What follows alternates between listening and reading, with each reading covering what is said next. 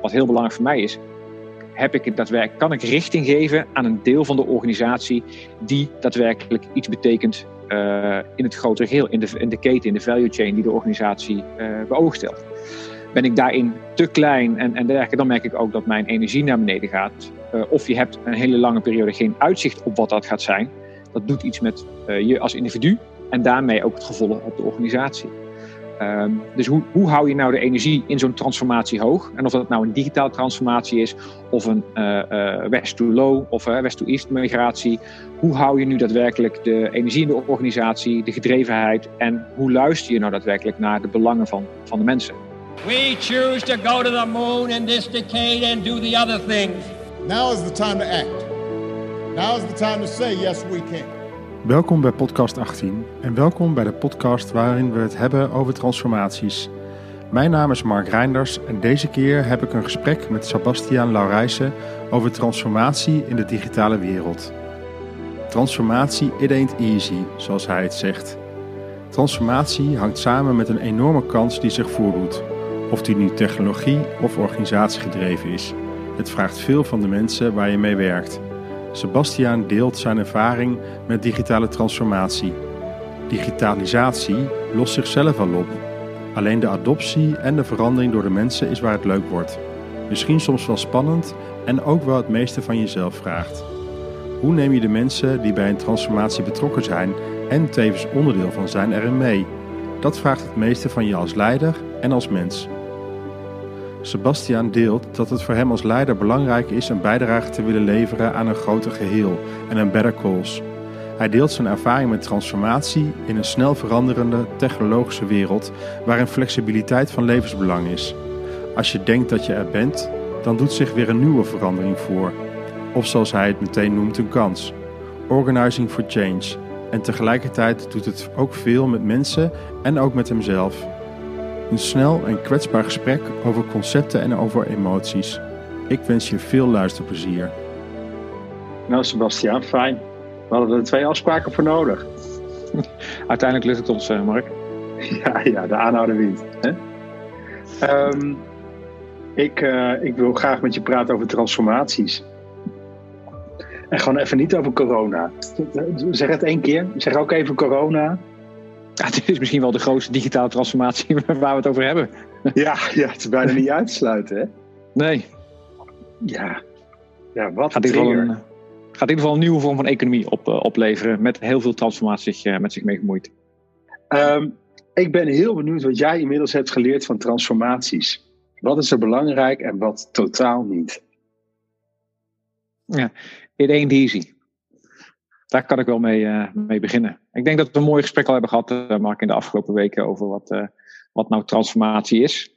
Um, maar voor mij is een transformatie hè, als, als lead in de transformatie. Hè, dus ik heb natuurlijk een aantal meegemaakt waarbij je zelf de transformatie leidt. waarbij je zelf in de lijn de transformatie leidt. of waarbij je dat je onderdeel bent van de transformatie bent. En soms daar ook in leidt maar dan met een lange ei, denk ik. Of de korte. Um, en, en als ik eerst begin met uh, transformatie, transformatie leiden. Hè, uh, en je hebt daar een heel mooi doel of objective of een enorme grote kans die zichzelf voordoet.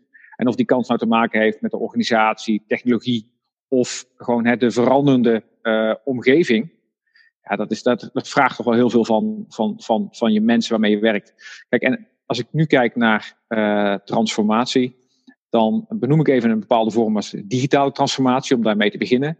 Waarbij ik altijd zeg, digitalisatie lost zichzelf wel op. Hè, um, alleen de adoptie en de verandering die komt door dan wel technologie of de, de, de, de beoogde verandering, door de mensen, dat is pas echt waar het leuk wordt. Misschien soms wel spannend, en misschien ook wel het allermeeste van jezelf uh, vraagt. En dat ik denk dat dat het, uh, het leukste en het moeilijkste, denk ik, allebei bij elkaar komt, is van hoe neem je de mensen die door deze transformatie uh, worden geraakt, of geraakt misschien wel, vind ik alweer een negatieve insteek, maar die daadwerkelijk betrokken bij zijn en onderdeel zijn van, integraal onderdeel zijn van de transformatie, en daarin een verandering moeten ondergaan, is denk ik de allergrootste uitdaging.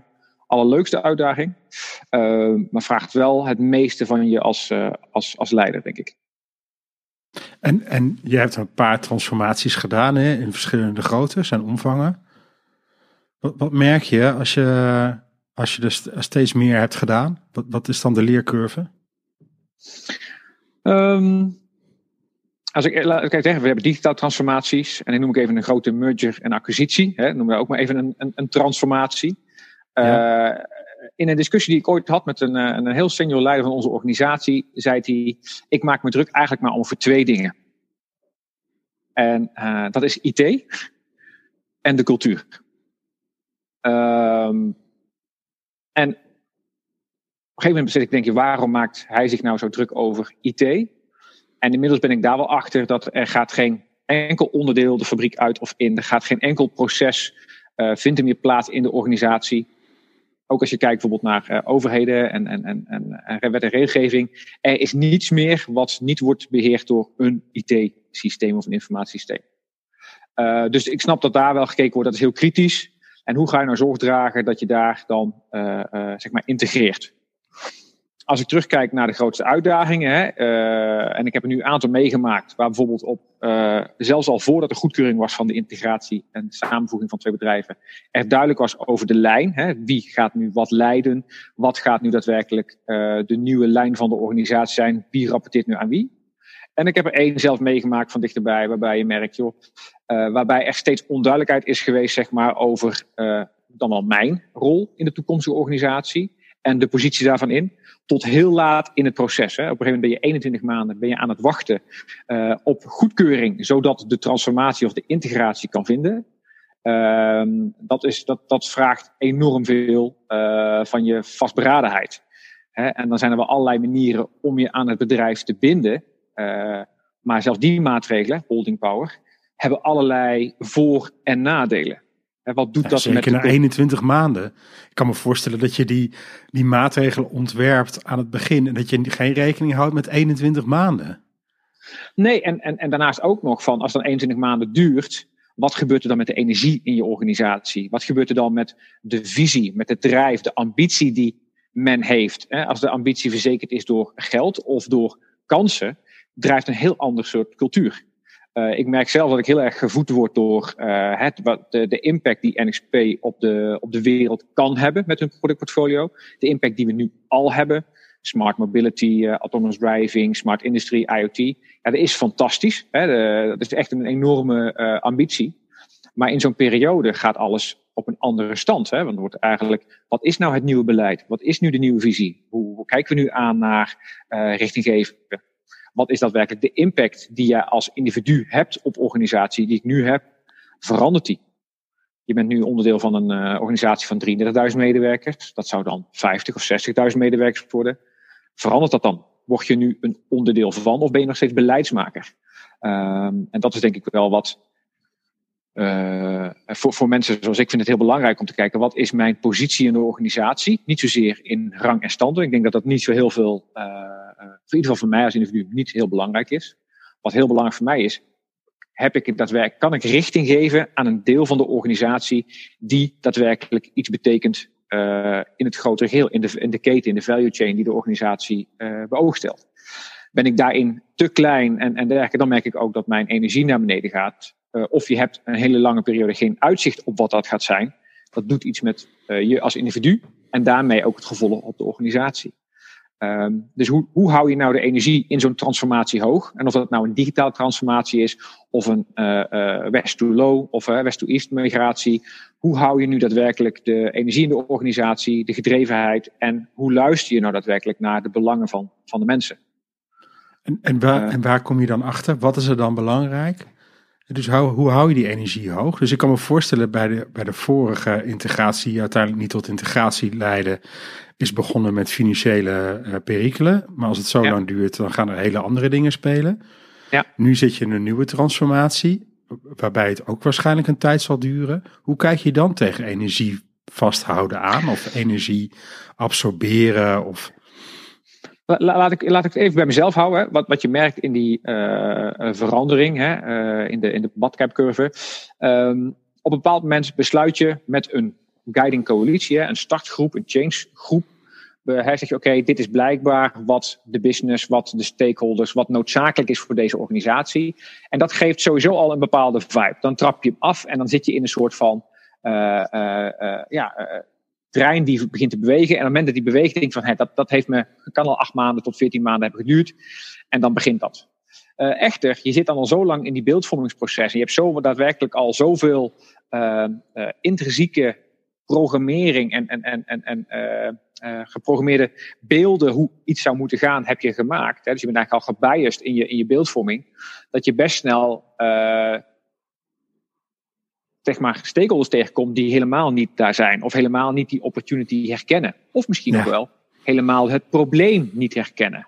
He, en um, uh, heeft men zeg maar, het cognitieve vermogen om de opportunity te zien en daarvan een interest in hunzelf te vinden. hey, ik kan daaraan bijdragen. Ook al uh, zou dat kunnen betekenen dat ik op lange termijn mijn rol anders moet invullen dan, uh, hè, dan zeg ik maar strengths and weaknesses en threats en opportunities. Zien het men als een opportunity, dan zie je dat je vaak de bewegende coalitie kan uh, vergroten, hè, zeg maar, kan naar de goede kant van de belfcurve kan, kan brengen. Diegenen die het zien als een, als een, als een bedreiging, hè, en ik denk als je kijkt naar bijvoorbeeld of je nou zeg maar ziet dat van twee functies blijft er één over, of van drie teams worden er maar twee of één gemaakt, of het is daadwerkelijk een technologische impact door middel van automatisering of vergaande uh, data-gedreven uh, besluiten nemen. Hè, dus dat dat weggaat bij, bij mensen. dan, dan merk je dat daar een hele andere aanpak voor noodzakelijk is. En die, hè, ik bedenk dat ik mijn, mijn kennis ligt wel vaak in het storytelling, in de visie en het wat in het voor de ander en mensen daarmee mee te nemen. Maar de uitdaging is, als daar geen grond voor ligt, geen kennis voor ligt, geen informatie voor ligt, wat nou die waarde kan zouden kunnen betekenen, dan begin je heel erg uh, terug aan uh, de change curve, waarbij je eigenlijk weer begint helemaal naar de awareness fase. En als je zelf al 14 of 18 of 21 maanden in die verandering bent, en je moet terug naar het creëren van awareness bij die, uh, bij die groep, nou, voordat je komt dat daar een desire komt, hè, dat kan best wel zo zijn, zeg maar, dat je een, een enorme grote coalitie in je organisatie hebt die helemaal niet eens is met die verandering. En hey, hoor, dat digitalisering en automatisering is helemaal niks. Je, je moet niet zo ver gaan met dat soort zaken. En ik denk dat je dat ook ziet in grote integraties, waarbij ik zelf heel erg het potentieel zag van de overname of de acquisities die wij doen. Waarbij ja. ik voor kan stellen bij andere partijen dat het alleen maar zien als een bedreiging. Uh, en ik denk dat dat, of het nou een M&A is, of het nou een, een transformatie is door middel van technologie of locatie of, of, of andere uh, in- of outsourcing. Uh, het brengt een aantal, ik denk dat het de kennis en kunde is en vooral het, het talent van degene die transformeert is. Hoe kan je daadwerkelijk oprecht en integer, en misschien wel ethisch, duidelijk maken aan de ander dat daar iets in zit wat hun wat meer gaat brengen. Ja, of niet. En, hè? Of, er zal ja, ook een deel ook... zijn die dat niet verder gaat brengen en daar dus ook wat je zegt ethisch, eerlijk en duidelijk over zijn. Hè? Ja, en dat is denk ik ook de discussie die wij onlangs hebben gehad, Mark. Is van, joh, luister eens, hè, eh, in een transformatie stap je met z'n allen, probeer je iedereen zoveel mogelijk in een boot te krijgen. Uh, en die gaat op een gegeven moment op een koers af. Waarbij ik denk ik, en ik denk dat ik wel dat de mooiste analogie vind, is van joh, ik ga met jou mee van Nederland naar Engeland. Maar daar besluiten een aantal mensen de boot te verlaten. Of moet ik helaas besluiten dat uh, hè, uh, als transformatiemanager, dit is niet degene die ons nog een keer zeg maar naar uh, de Seychelles of naar Amerika gaan, gaan brengen. Dit is, dit is toch een stukje waar uiteindelijk de rek uit is en moeten besluiten, dit is niet waar we mee gaan komen. En dat vind ik wel altijd. Heb je voldoende eraan gedaan? Heb je de awareness gecreëerd? Heb je gepoogd zeg maar, de kennis te ontwikkelen van uh, de mensen? Of het nou is zeg maar, kennis om het te begrijpen, of daadwerkelijk kennis om de nieuwe manier van werken, of de nieuwe rol, of de organisatieverandering tot zich te nemen. En als je jezelf daarvan aan kan kijken, uh, hè, en ik denk dat ook dat heel belangrijk is als transformatiemanager, continu dat bij jezelf durft te beraden te gaan. Uh, want je zal toch die organisatie en die mensen gevoeligheid uh, en in hun schoenen kunnen verplaatsen moeten ontwikkelen, dat je ook kan, oprecht kan zeggen, hé, hey, hier houdt het op. Dit is, ja. dit, is, dit, dit, is, dit is waar het station eindigt. Uh, en zeg maar, jou meenemen puur als uh, passagier van de boot is niet wat we nu op dit moment hebben besloten. Ja, dat wil niet en... zeggen dat we kiezen voor een high performance organisatie. Hè, want ik, ik denk dat ook wel heel intrinsiek zijn. Soms kies je ervoor om echt performance zo hoog te leggen dat alleen zeg maar, degenen die voldoen aan het Olympisch niveau mogen de boot in. Uh, maar ik denk dat er wel weer een bepaalde gevoeligheid voor moet zijn. Is dat je wel kijkt, ja luister eens, we kunnen niet alleen maar Champions League mensen of Olympische zwemmers zeg maar, meenemen in de boot. Je zal ook moeten kijken, heb ik de juiste koersman aan boord? Heb ik de juiste sterrenkundige aan boord die ons, ons wijst? Maar dat wil niet zeggen dat hij of zij een goede roeier is of een, een, een onderhoud doet. En dat is wel het risico als je denkt, ja, maar ik moet naar, die, naar die, dat punt toe waar die transformatie naartoe leidt. Dat je alleen daarop focust wat de, daadwerkelijk bijdraagt aan het resultaat in plaats van ook het proces. Want juist het proces in de transformatie is net zo belangrijk. Ja, en, en, en ik, ik, denk dat dat vaak wordt voorzien. Kennisontwikkeling, dat moet er plaatsvinden. Uh, maar het proces dat je daardoor loopt, hè, de communicatie, ben je diligent? Ik denk dat dat wel heel erg uh, belangrijk is. Uh, ben, je, ben je daadwerkelijk bezig met je verplaatsing in de mensen? Dus ben je empathisch in die transformatie? Vind ik ook bij het proces horen. want je kan ook gewoon daadwerkelijk klassiek projectmanagement, hè, en ik wil daar niemand mee bagatelliseren. Ik moet van A naar B. En als ik bij B ben, dan ben ik klaar. en, en, en, en dat is ook iets wat wij proberen te veranderen in onze organisatie. We don't do projects, we do products. En dat heeft een bepaalde filosofie bij projecten. Ik moet naar het eindpunt van het project komen en daarmee is klaar. Terwijl een product dat je realiseert, heeft een bepaalde levenscyclus. En gedurende de levenscyclus heb jij de verantwoordelijkheid om dat product uh, te onderhouden, beschikbaar te krijgen. Terwijl een project levert een product op. En dan is het klaar. En wij hebben gezegd, we don't do projects, we do products. Waarbij natuurlijk de hele lifecycle van het, van het proces van ontwikkeling, development, lancering, live en uh, het brengen tot aan het sterfbed er gewoon bij hoort. Ja, uh, en, en, en, en kan, want dat is voor mij transformatie, dus dat ik niet weet wat het eind, de eind, eindbestemming is. Hè? Dus ik heb wel een product en ik weet dan in ieder geval, oh, ik ga naar Engeland toe. Uh, en vanaf daar gaan we weer verder kijken, waar gaat het product weer verder naar, naar evolueren. Um, ja, en, en, en, dat, is, dat is misschien ook wel uh, wat, het beeld wat ik heel erg sterk heb. Het is, je, je organiseert je voor verandering. Hè? Uh, en daarna op die organisatie die verandering. Hè? Dus als even kijken, we maken een organisatie die klaar voor die verandering. Daarna gaan we een verandering bewerkstelligen. Echter, wat ik steeds meer merk, is dat wanneer je bijna klaar bent met, voor je gevoel met die verandering, staat de volgende uh, uh, zeg maar afslag weer. Het, doet kansen ook voor. En, ja. um, en, en, en dat is misschien wel, uh, als ik nu kijk in mijn klassieke sourcing-strategieën, waarbij ik vijf jaar geleden een contract heb getekend, uh, waarbij ik zeg, nou deze services zijn heel structureel belangrijk, et cetera. Eigenlijk twee maanden later begin ik al met het transformeren van die services, want ik zie een opportunity in de business die die verrijking van die dienst noodzakelijk heeft. He, dus, dus, dus het continu bezig zijn met het organiseren voor die verandering. He, uh, het, het, het, concept in NSP hebben we ook wel eens Organize for Change genoemd. Uh, waarbij we eigenlijk continu bezig zijn, waarbij een transformatie eigenlijk iets continu aan het worden is. Ja. Uh, en, en, nou, op het moment dat je er bent, ben je er alweer niet meer. Nee joh, nee, nee dat, is echt, dat is echt waar ik helemaal van overtuigd ben. Uh, en, en dat is misschien ook wat ik, als ik kijk naar mijn wedstrijd, slash ambitie ik was continu bezig zeg maar, om het volgende plateau te bereiken. Uh, maar als ik dan al was, dan wist ik al van hé, hey, maar nu heb ik dit verfijnd. Maar dan zou ik misschien uh, wel dat volgende plateau kunnen, kunnen bereiken. Hè. Zo begin je met uh, trainen, voeding, slapen. Hè. Dan krijg je supplementen. En dan krijg je nog alle andere takken waar je in kan gaan, wat ik je niet aanraad in te doen. Hè. Maar je hebt dus allerlei manieren om die transformatie die je als individu doorgaat, te verbeteren. Nou ja, en ik moet dan ehm. even denken, wat ik, waar ik dan nu aan moet denken, is dat je dan op een nieuw plateau uitkomt. En er dan achterkomt dat er weer een volgend plateau is. Ja. Dus als je dat maar vaak genoeg doet, kom je op een gegeven moment ook tot de conclusie: ja, ik kan wel naar dit plateau, maar dan weet ik dat er daarna toch wel weer een nieuw plateau komt. Dan ga je daar, ga je daar anders op instellen? Ga je andere dingen doen dan? Uh, ik, ik, kan, ik, ik zal mijn eigen digitale transformatie uh, uh, voor me nemen. Ik ben in 2008 begonnen met, met fietsen. Vond ik heel erg leuk. En in mijn één keer merkte ik van, ik ben er eigenlijk best wel goed in. Dan komt er een nieuwe fiets. Hè, want ja, die andere fiets was toch paar kilo te zwaar. Dan denk je, nou weet je wat, ik koop een fietscomputer. hey, die fietscomputer geeft data weer. Nou, die geeft hoe hard ik wil. Maar ik heb gelezen dat er nog andere informatie en zorgen zijn die ik kan gebruiken voor het verrijken. Nou, dan gaat er een hartslagmeter om. Maar dan lees je ook nou, dat je ook de hartslagmeter en lichaamstemperatuur kan, eh, kan, eh, kan meten. Dan denk je ook, laat ik ochtends maar eens mijn pols gaan checken. Want dan, als ik dan uitgeruster wakker word, dan kan ik daar mijn training op aanpassen, zodat ik efficiënter ga trainen. En dat is ook misschien wel heel belangrijk in de, in de transformatie. Dat je ook efficiënter gaat werken in plaats van gewoon pure stramien volgt. Um, uiteindelijk komt daar een vermogensmeter komt erbij. En dan begin je dingen te leren. Hè. Dus begin je data te correleren in die transformatie. Je begint feedback. Hè. En ik denk dat dat een enorm belangrijk instrument is in transformatie. Is dus bijna directe feedback van de, van de werkvloer. Van de processen, van de uh, producten die je maakt. Maar ook van jouzelf als je aan het trainen bent.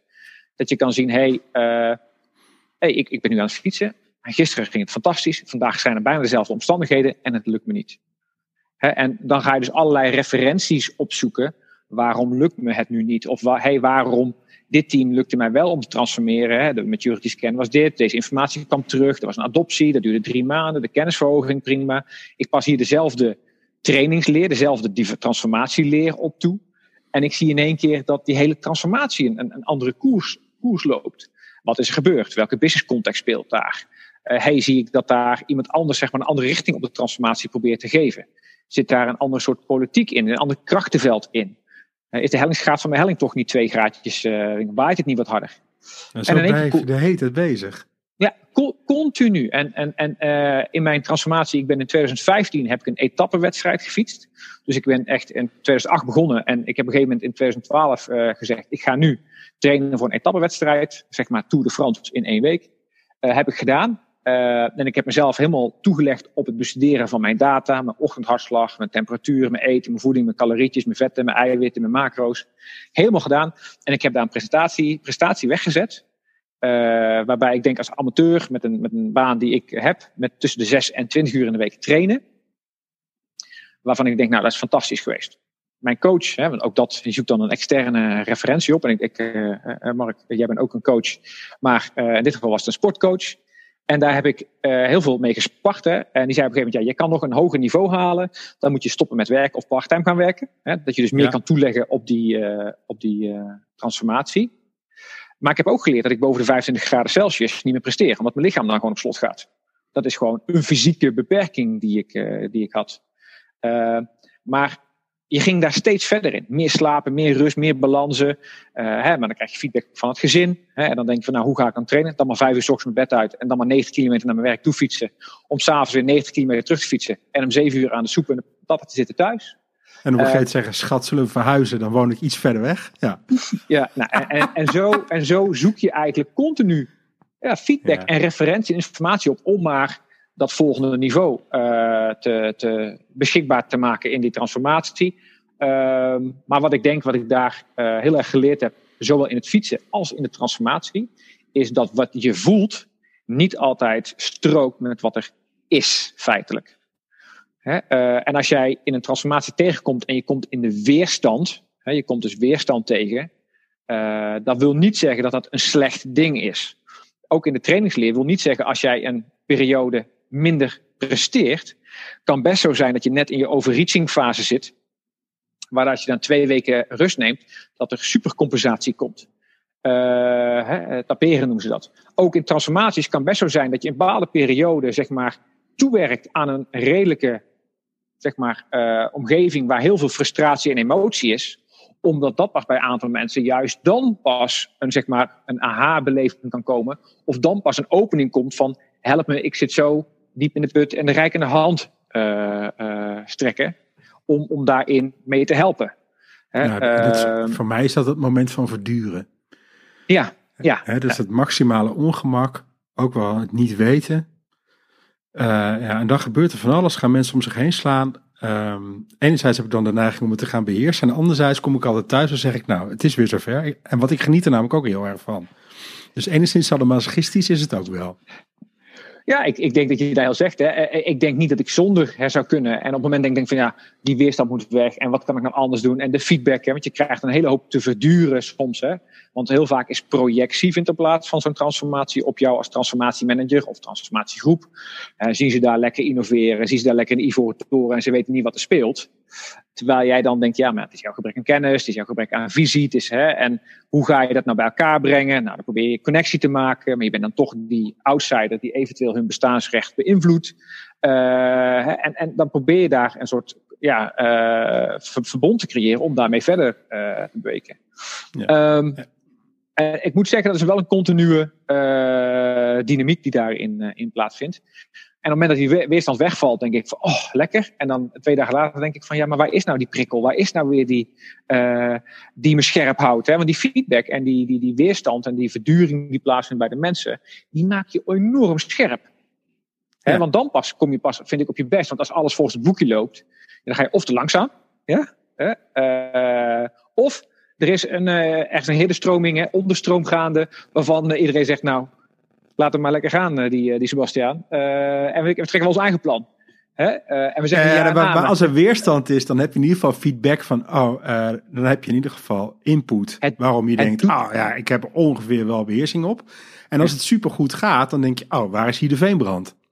Ja, nou, en, en, wat ik heel mooi zeg altijd, hè, en ik heb gelukkig een aantal collega's om me heen. Hè, uh, op het moment zegt, dan zit je in zo'n meeting iets te vertellen, een verandering, adoptie van de manier van werken of een totale aanpak.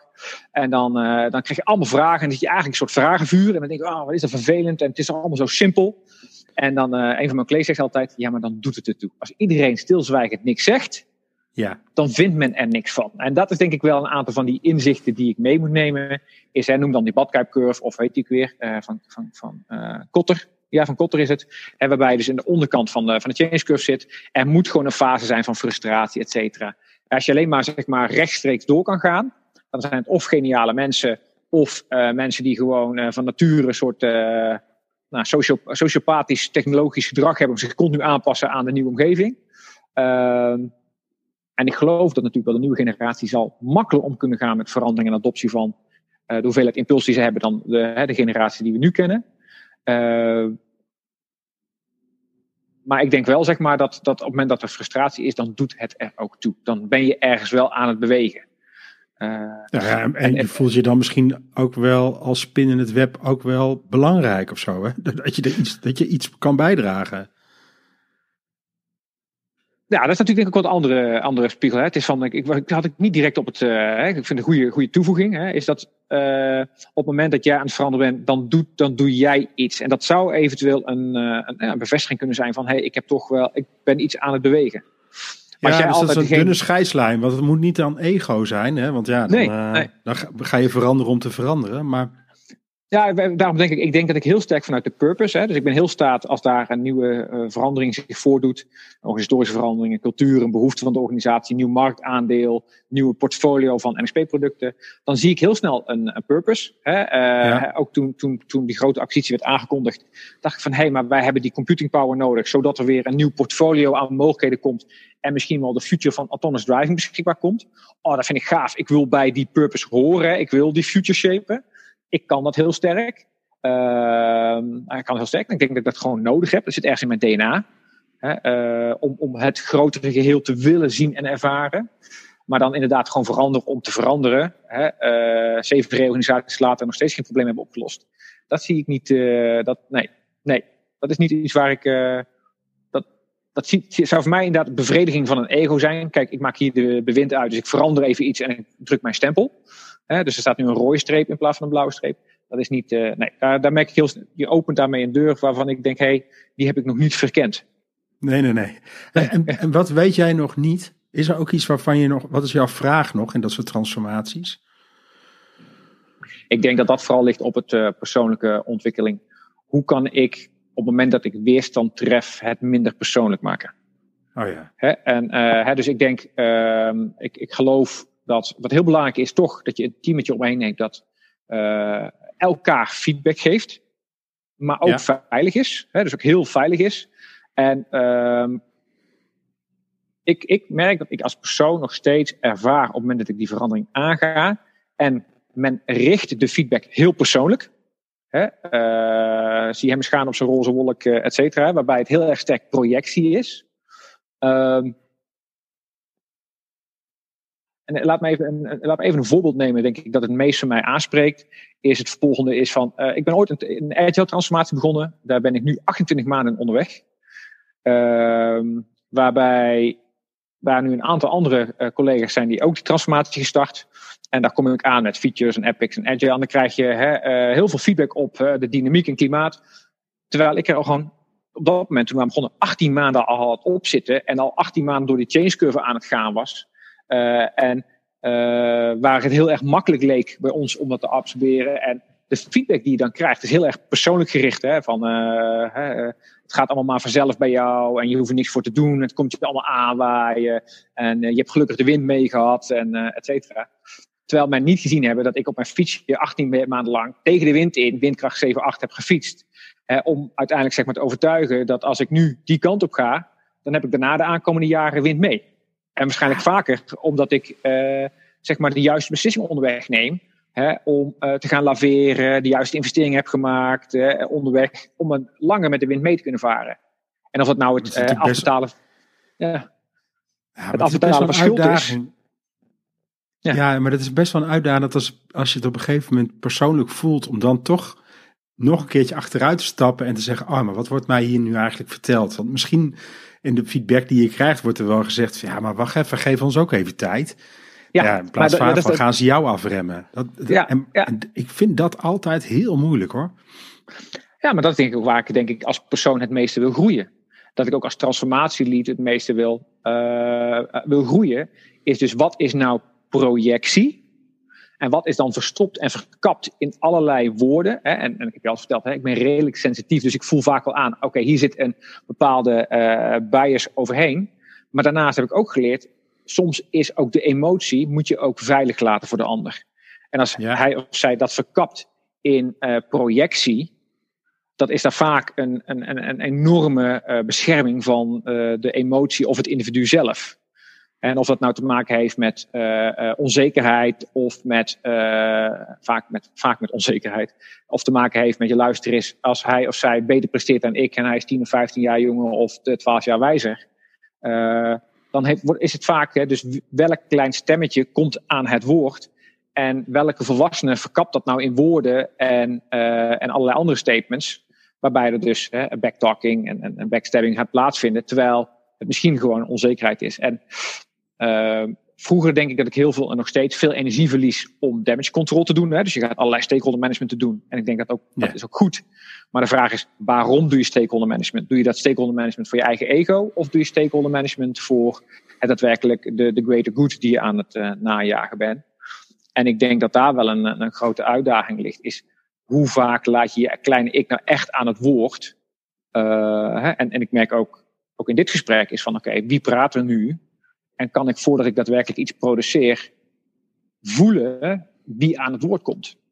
Ja. want op het moment dat ik die cases naar voren haal, dan voel ik mijn emotie. Hè. Dan, kan, dan kan ik terug naar wat daar opeens plaatsvinden. Als je in zo'n grote sessie zit en je wordt daadwerkelijk uh, flink doorgezaagd, um, dan, dan komt daar ook emotie naar voren. Hè. En uh, ik vind het altijd zo heel mooi met mijn, met mijn kinderen. Maar jij, hè, dat kleine zinnetje, maar jij. Nou, mijn, mijn trigger wat ik geleerd heb door een klein armbandje aan mijn pols was hoe vaak komt nu mijn maar jij hè, naar voren? Sebastian, jij kan dat zo makkelijk. Maar jij. Hè, dus wat, wat vindt daar nou plaats? En ik denk dat ik mijn eigen onzekerheid, uh, die in die transformatie parten speelt, hè, die natuurlijk breder gaat dan alleen die transformatie, daar zou ik gewoon graag in willen ontwikkelen. Uh, en daarnaast ook gewoon het eerder herkennen van bepaalde patronen in de organisatie. Zodanig dat uh, je op een eerder moment kan bijsturen. En ik denk dus dat is, dat is dus hoe leer ik een organisatie beter aanvoelen uh, in, in de globale context. Ja, en misschien accepteren dat je af en toe toch ook weer zo'n armbandje nodig hebt, omdat je anders gewoon wordt meegevoerd in je emotie. Hè? Maar dat is ook wat ik dan wel weet, is dan omdat ik dan die emotie voel, maar op dat moment misschien geen plek kan geven. Hè? Uh, misschien, hè, we kennen allemaal wel eens dat je in, ergens in een bepaalde relatie vastzit, waarvan je cognitief heel goed weet dat dat niet de beste relatie is. Hè? Of het nou een arbeidsrelatie is of een privérelatie dat je emotioneel vaak geen afstand van kan nemen. Omdat het ook een aantal andere dingen voedt die jij misschien wel harder nodig hebt dan, uh, dan, een, uh, dan die cognitieve kant. maar als je daar echt over kan praten en je hebt daar een team om je heen waarmee je kan aan samenwerken, dan kom je echt letterlijk verder met elkaar. En dat unlockt een bepaald potentieel. Ja, dat, dat, dat, maar daar, heb je wel echt wel een team voor nodig. Wat gewoon kan zeggen, hey Sebas, wie kwam in die sessie naar boven? Was dat nou daadwerkelijk eh, de visie en de missie en waar we met z'n allen naartoe jagen was? Of was dat, wil je nou gewoon even aantonen zeg maar, hoe slim je bent? Ja.